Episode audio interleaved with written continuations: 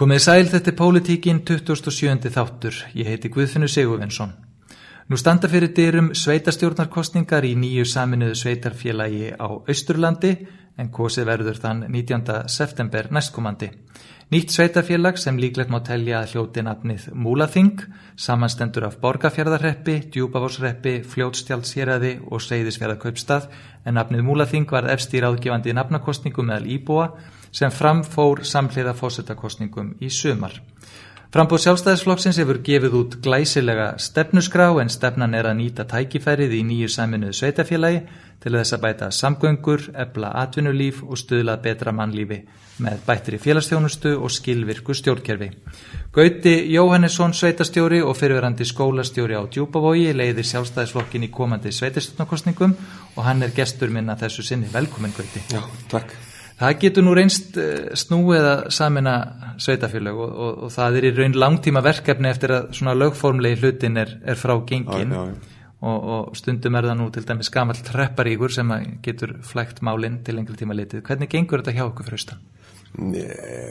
Ég hef ekki sérstakar áhyggjur af, af þessum prepparík sko. Við náttúrulega búum að því að hafa til margra ára verið í mjög nánu samstarfi eh, félagsþjónusta, skólamál brunavatn og ymslið hlera þannig að það er náttúrulega hefð fyrir því á svæðinu að menn vinni saman.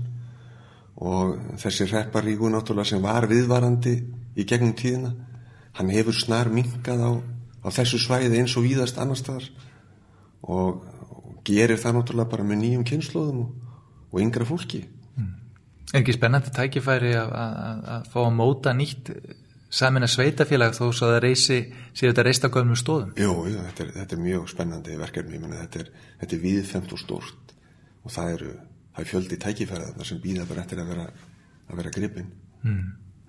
Eh, hvað eru margir flokkar í, í frambúðarna fyrir austan og hverjar eru svona, hvernig metur eru horfurnar, hvernig eru til dæmis viðtökur kjósenda? Það eru fimm frambúð, það eru sem við og það er miðflokkurinn, vinstri grænir, austurlistin og, og framsókn og sko bara áttan fram að þessu hefur náttúrulega litast aldrei af ástandinu.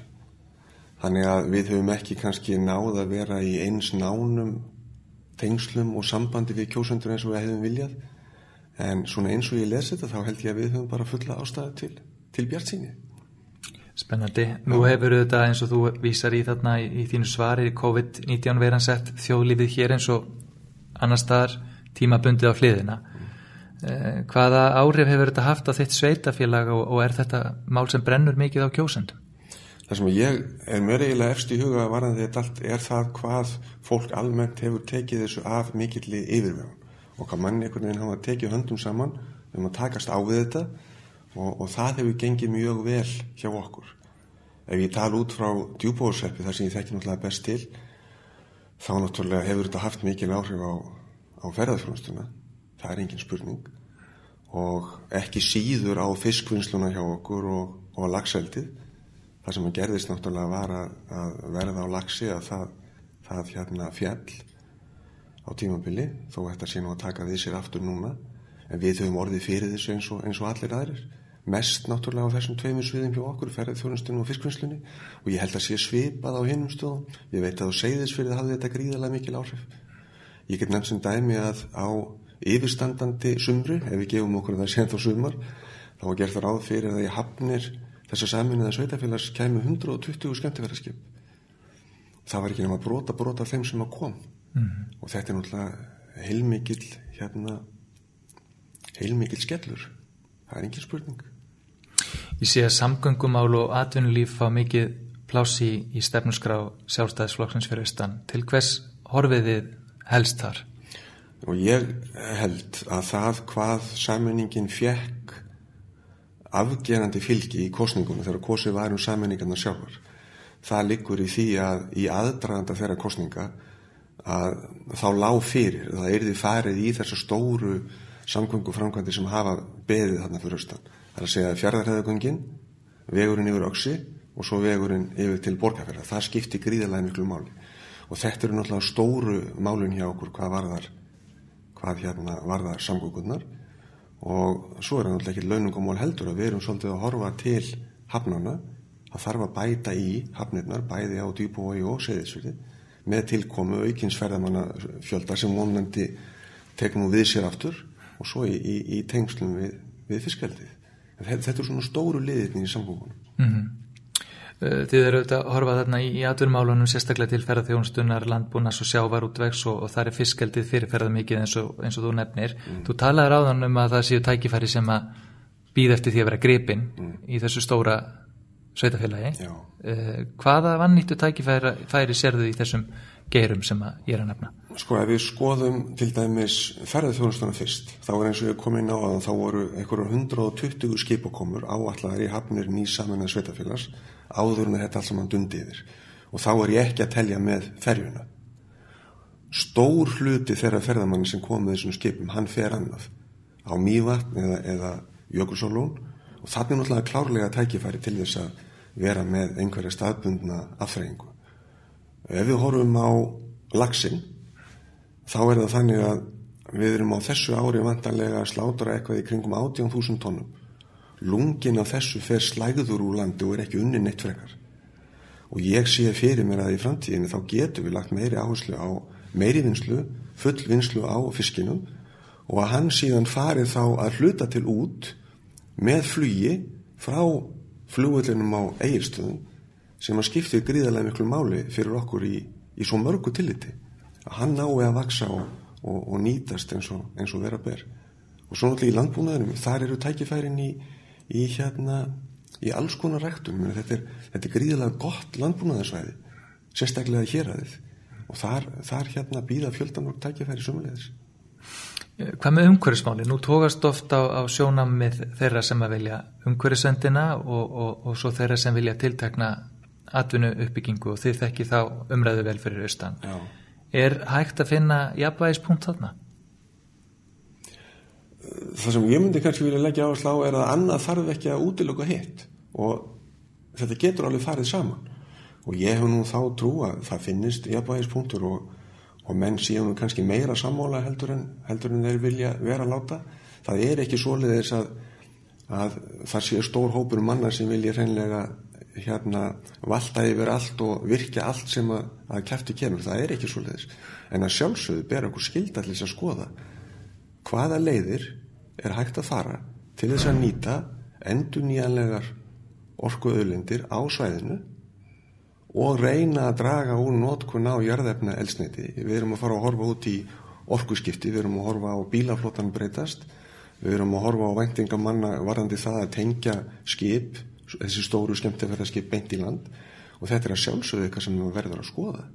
Mm. en, en það er best að slá ekki neinu förstu þetta er, þetta er vonað flókin umræð þetta er, þetta er svo polariserað og það gerir þessu umræðu alltaf mjög erfið mm. en, en þetta svæði, Östurland, allt eru þetta nánast einn samfelt náttúruperla þannig já, að það er þetta mikil verðmætti já, í því. Já, það er heilmikil verðmætti í því sömulegis og, og þau má ekki vann með þetta heldur þannig að það þarf að skoða þessa hluti bara af, af yfirvegun eh, Þú ert fyrirhandi skólastjóri og, og skólamálin eru nú eitt stæðsti útgjaldaliður sveitafélaga. Hver er ykkar sín þar? Ég held þetta tengir svolítið eh, byggðarstefn ég, held að þegar fólk velur sér dvalastar, hvar það setur sér niður þá horfa menn til lífsgæða á staðnum, hvaða lífsgæði eru í bóði þau lífsgæði sem að menn setja mjög, mjög hátt eru skólanir að, að, að fyrir börnin að þá sé í bóði gott skólastarf. Og ég held að þetta skipti gríðarlega miklu máli. Ég var skólastöru sjálfur í 12 ár.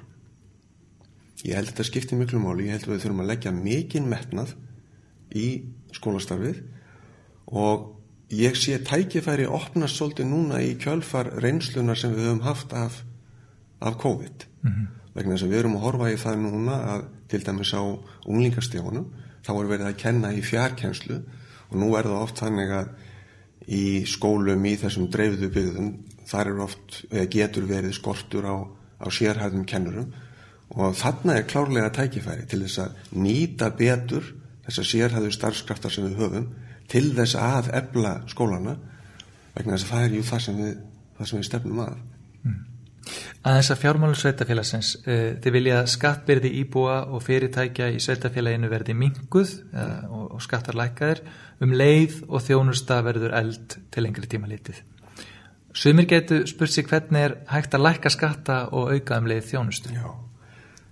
Það sem við viljum stefna að er að það eigi sér stað uppbygging í fjölbrötu og öflugu atvinnulífi og þannig verði skattstofnin stærri, tekjurnar herri en hlutvarslega þurfi minna af þeim að skattleggjast ef ég get orðað þetta þannig. Það er leiðin. Þetta liggur í gegnum uppbyggingu á fjölbreytu og, og öflugu atvinnulífi. Mm. Nú er það gaggrínt af ymsum á, á sveitarstjórnastíginu almennt bara vitt og breytum landið að jöfnunar sjöðu sveitafélaga greiði til sveitafélaga sem að hafa ekki fullnýtt nýtt sína heimil til útsvass og annar að gelda og, og það jafnvel þó kannski að málefnilega rauk geti nýði í þá veruna til dæmis við yfirtökum ála flokka frá ríkinu og eitthvað slíkt og, og þetta greiði náttúrulega allir í, í jöfnunarsjóð Hvað finnst þér um þetta? Ættu öll sveitafélag að fullnýta þessar heimildir áður en að jöfnarsjóður kemur að málum?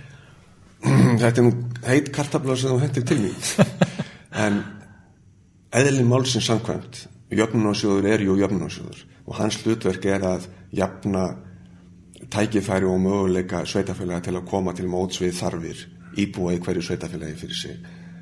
Séða þannig að ákveðin sveitafjölu eru þannig í stakk búin að þau þurfa ekki að fullnýta gjaldstofna mm, þá set ég spurningimerki við það.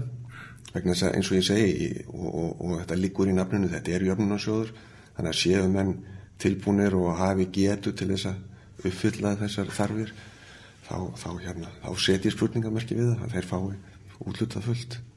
Skilum þetta hans eftir opið. Já, er svolítið. Ég tek eftir því að í tíu efstu sætunum á frambóðslista sjálfstæðarflokksins er kynja hlutvalli jamt Já. Var það meðvituð ákvörðun? Það var ekki þannig að við settumst niður og segðum við þurfum að hafa 5 og 5 Það sem við gerðum var að við settumst niður við fórum yfir listan af því fólki sem að, sem að hafði gefið kosti á sér og sem, sem að hérna, við vissum að væri tillega til að taka þátt og, og þetta endaði svona en það var ekki svo leiðis að við teldum út eða neitt svo leiðis, við erum bara svo, svo heppin að, að baki þessum lista stendur breyður hópur mm -hmm. með, með margvíslega reynslu og bakgrunn og af, af hérna að báðum kynjum. Já, það er svona ánægt að heyra að þetta sé fara að gerast kannski meira lífrænt heldur en að það þurfum við beinleins að þvinga það fram. Já, við settum okkur ekki neina stellingar, það var ekkert, það var ekkert svo leiðis. Við bara settumst yfir listan og, og skoðuðum þetta og þetta var niðurstað. Mm -hmm.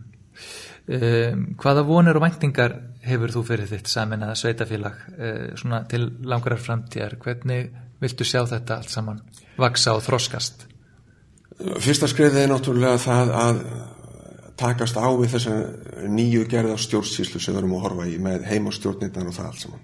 Það, það er svona fyrsta skriðið en að því sögðu þá má samt ekki gleyma því að við þurfum að horfa lengar fram í tíman og það sem við sjáum fyrir okkur og og viljum er að í kjölfar þessara saminninga þá verði til upplugt sveitafélag þar sem er fjölbreytt upplugt atvinnulíf þar sem þjónusta við íbúa er bara eins og hún best gerist. Og ég ætla ekki að draga fjöður yfir það að ég horfi til þess að á næstu árum að þá nái þessi saminning lengra og ég hef til margra ára séð fyrir mér Östurland samina sem eitt sveitafélag Östurland bara í, í held? Bara í held sinni, já. já. já. Þetta er rúmlega 10.000 manns já. það er nú þegar í gegnum byggðarsamlu og hitt og þetta mjög mikil og góð samina og ég sé ekkert í vegi fyrir því að samina þetta þannig að við, við hérna náum að koma okkur saman um öfluga stjórnsýslu því að það er það sem við þurfum mm. við þurfum öfluga stjórnsýslu til að standa undir þeim væntingum sem íbúar gera og við þurfum öfluga stjórnsýslu til þess að geta tekist á við eða átt samstarf við ríkisvaldið eftir því hvernig þú kýrst að nefna það. Heldur að þetta sé raunhæft ef að, ef að til að mynda þessi saminning gengur vel að, að hins veitafélagin á sæðinu líti til þess að, að stökka vagnin? Ég hef kem aftur að fyrstu spurningunni hafi þegar þú talaði um hreppariðin umhverfið í þessum málaflokki núna er allt, allt annað heldur en það var fyrir nokkur árum síðan og ég hef þá trú að innan ekki allt og margra ára að þá verði þetta raunhafur mjálík mm. Aðeins bara svona uh, tímin er nú að hlaupa frá okkur og, og, og þú ert tímabundin en, en svona mér langar samt aðeins að fá að vita meira um þig. Er þú sjálfur uh, austfyrðingur í húða hár? Ég er uppalinn reykvíkingur og hérna kem í fyrsta skipti austur á land sem einhverju nefnur 1986 þá fórum við ég og konan minn sem nú er og vorum þá kærustupar. Réðum okkur sem leiðbennendur við Gunnúskóla austur í Staðborg í Breital hún úr Breiðoltinu Mm. ég úr Löganesinu og höfðum hvorugt reynd þetta áður. Og, og fjallum bara fyrir Austurlandi og, og, og, dreifbílinu og ákváðum að fara ment okkur og, og koma tilbaka sem við gerðum Þetta er svolítið djart hjá ungu fólki. Þið hefur kannski ekki þekkt neitt og bara arkað út í Nei, óvissum já, eða við erum hvað? það könnuðumst við fólk sko. En það var eitthvað það var eitthvað þarna fyrir austan það var eitthvað nálgun sem við fjallum svolítið fyrir það er þessi, þessi sjálfsbergar viðleitni uh, já, hvernig fólk stóð saman þetta, þetta var, þetta heitlaði okkur svolítið og við ákvaðum það í Reykjavík ætluðum við ekki að búa meir en við fórum sem söður og, og læriðum og við höfum búið á djúbóið síðan 2001 og kunnum því afskaplega vel. Og hvernig kemur það til að skólastjórinn fyrir að blanda sér í pólitíkina? Hvað, hvað segir mér, var ekki, það var, leit, það var til mín var leita Nei, ég hef, alltaf, ég hef alltaf haft áhuga á samfélagsmálum. Og ég er líka þeirra skoðunar að sá stór, sá hópur er of stór sem situr hjá og, og agnúast og hefur alltaf hodnum sér og það er engin skortur á mönnum sem vita hvað hefðu átt að gera og hvað þú ekki að gera og ég er þeirra skoðunar að vilji menn láta hafa áhrif þá verða menn að taka þátt þannig að þetta snerist nú mest um það Ef það tekst að mynda meiri hluta að loknum kostningunum 19. september langaði að vera bæjarstjóri? Það hefur ekki komið til tals. En þú hefur hugsað það? Já, ég hef hugsað það. En það hefur ekki komið til tals og við erum ekki að fara inn í þessa kostningamennið sérstætt bæjarstjórnarfni. Það er ekki þannig. Það verður spennandi að fylgjast með eh, frammyndinni og, og eins og ég sagði áðan það verður kosið þarna í þessu nýja saminað sveitafélagi á Ístulandi 19. september næstkomandi en eins og nefndir þá náttúrulega hefur kostningabaraton verið óvennileg vegna eh, aðstæðana í, í þjóðfélaginu. Um, finnst þið líklegt svona rétt í blá blá lokin að, að þetta verður samsettur meiri hluti? Það finnst mér mjög líklegt, já. Finnst þetta það er mjög líklegt. Ég með það, Gauti Jóhannesson, sveitastjóri og fyrirverandi skólastjóri á Djúpavogi. Takk kærlega fyrir komuna. Takk.